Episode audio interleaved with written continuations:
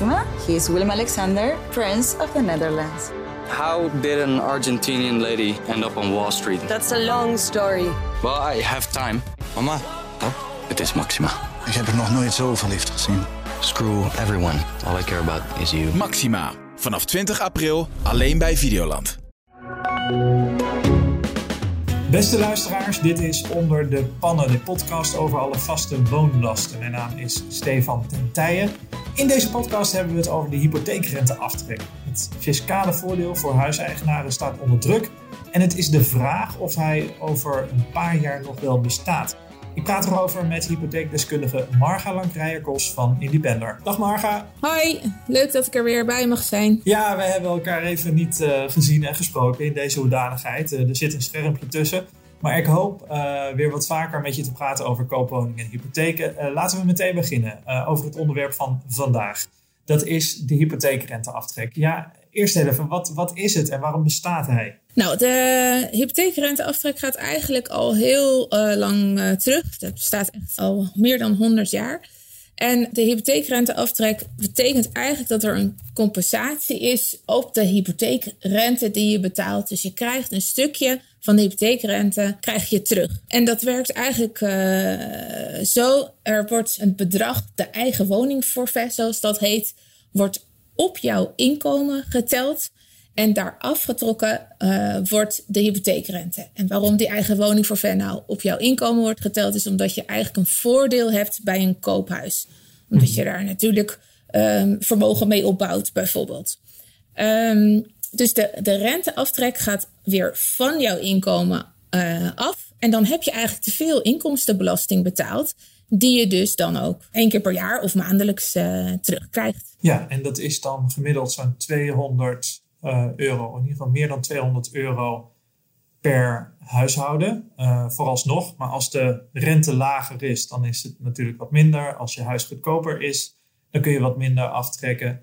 En in het verleden was het ook zo dat je wat meer kon aftrekken met een hoger salaris. Namelijk dan zit je in een hogere belastingschijf en dan kon je tot 52% aftrekken. Maar dat is niet meer, hè? Hoe het werkte is de belasting die je betaalt, dus het percentage.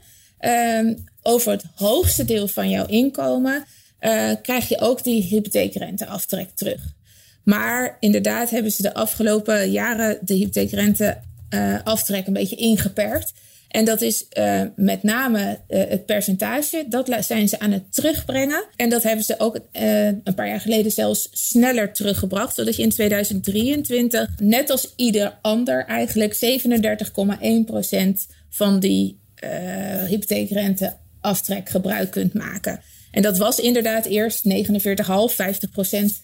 en dus dat hebben ze al ingeperkt. Nu is de verwachting dat hij misschien wel meer wordt ingeperkt. Want er wordt natuurlijk een eh, nieuw kabinet gesmeed op het moment. Komt een nieuw regeerakkoord.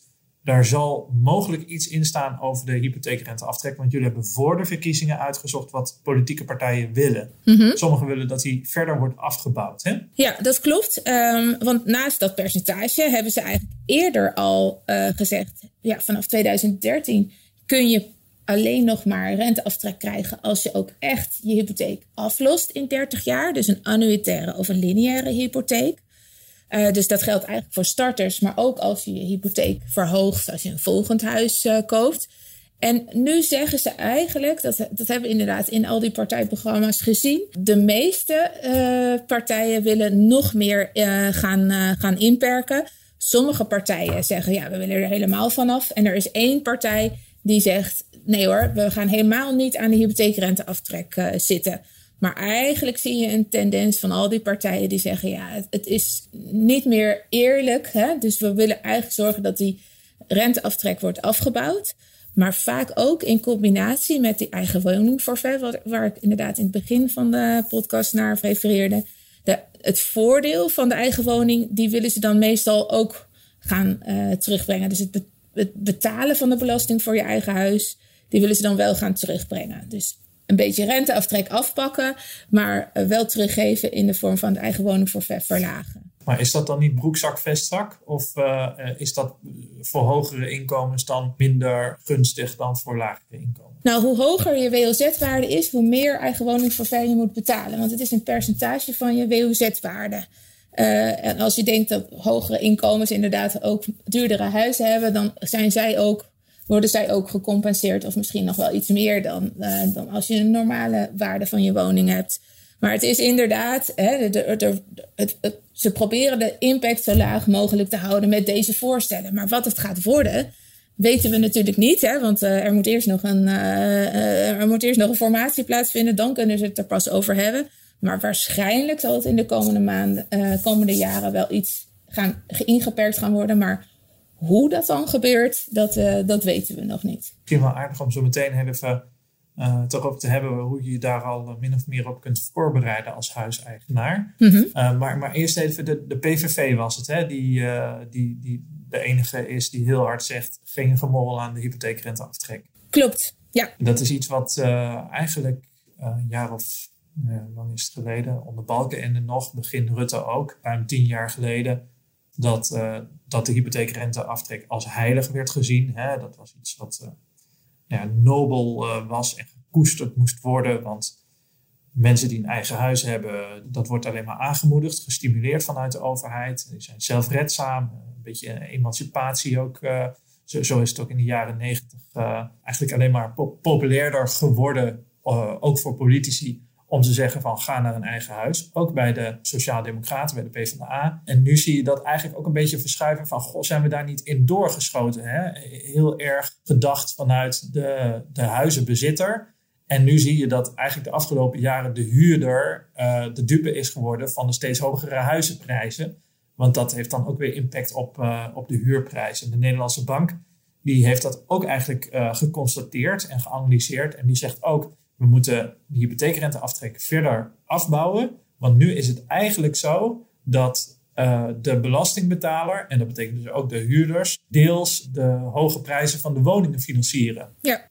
En dat ging een paar jaar geleden nog om 12 miljard vanuit uh, de overheid, dat naar de hypotheekrenteaftrek uh, ging. Inmiddels is dat 8 miljard, heb ik eerder voor een stuk voor het AD uitgezocht.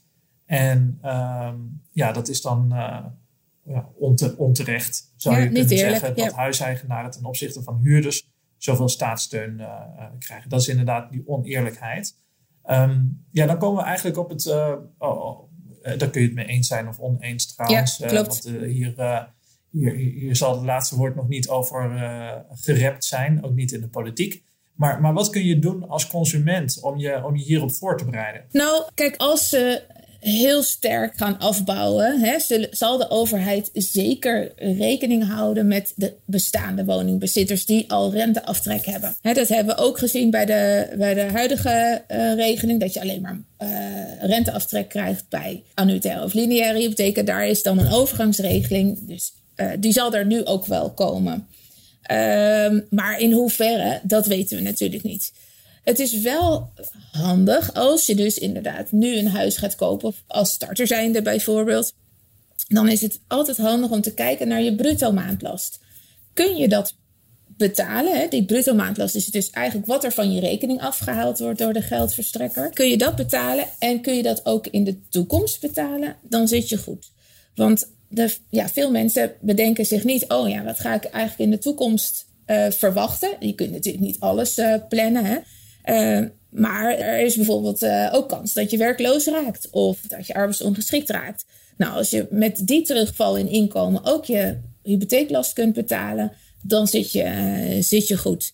Dus het, het, belangrijkste is, kijk naar die bruto maandlast. Kan ik die nu en ook in de toekomst blijven betalen? Dan heb je er eigenlijk ook al rekening mee gehouden. Ja, ja toevallig zit ik zelf een beetje in het proces en ben ik ook maar met uh, de bruto maandlast uh, gaan, uh, gaan werken. Dus dat is eigenlijk iets wat is aan te bevelen. Nu zijn er ook starters die zeggen van, weet je wat, die hypotheekrenteaftrek, laat maar zitten. Ik neem wel een aflossingsvrije hypotheek, gedeeltelijk. Dat kan tot 50%. Ja. En die zeggen van, nou ja, dan heb ik geen recht op hypotheekrenteaftrek, maar dat hoeft ook niet van mij. Hoe kan dat nou? Dat, dat, uh, de, van, die, van die aflossingsvrije hypotheken wilden we toch af na 2008? Dat klopt. Het ook in combinatie met, hè, dus inderdaad, de crisis van 2008. Uh, maar ook in combinatie met de hypotheekrenteaftrek natuurlijk. Hè. Daar hebben ze ook gezegd, gestuurd op de annuïteiten of de lineaire hypotheek. In ieder geval op aflossen. Uh, maar voor sommige starters kan dit best een goede oplossing zijn. We zien dit ook vaker bij onze adviseurs voorbij komen, dat starters hier eigenlijk wel voor kiezen. En dat doen ze omdat ze daardoor een veel ma lagere maandlast krijgen.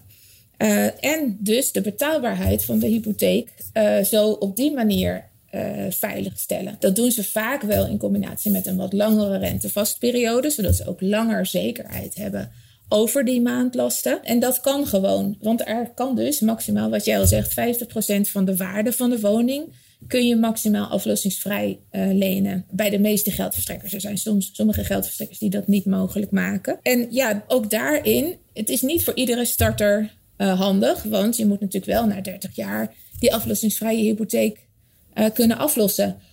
Of er moet voldoende waarde in je woning zitten, dat je nog steeds die, uh, dat deel van je woning ook aflossingsvrij kunt blijven lenen.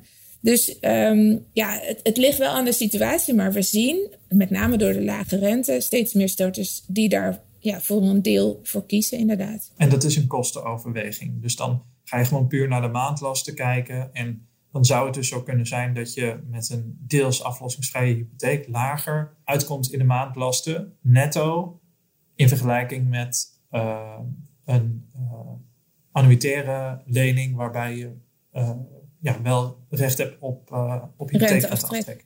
Ja, ja, daar kom je soms fors lager uit. Ja. Oké, okay, nou dat is ook iets wat we misschien in politiek Den Haag neer kunnen leggen, dat ze daar wel rekening mee houden.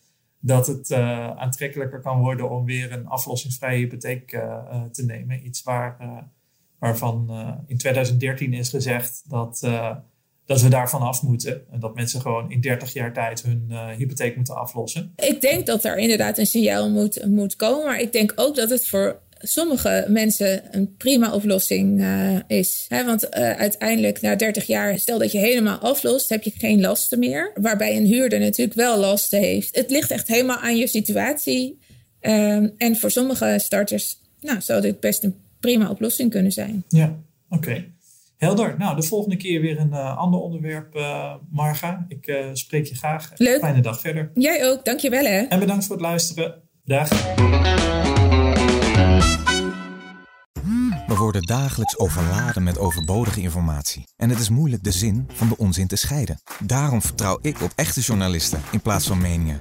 Een krantenmens heeft het gemakkelijk. Word ook een krantenmens en lees je favoriete krant nu tot al zes weken gratis. Ga snel naar krant.nl. Bezorging stopt automatisch en op deze actie zijn actievoorwaarden van toepassing.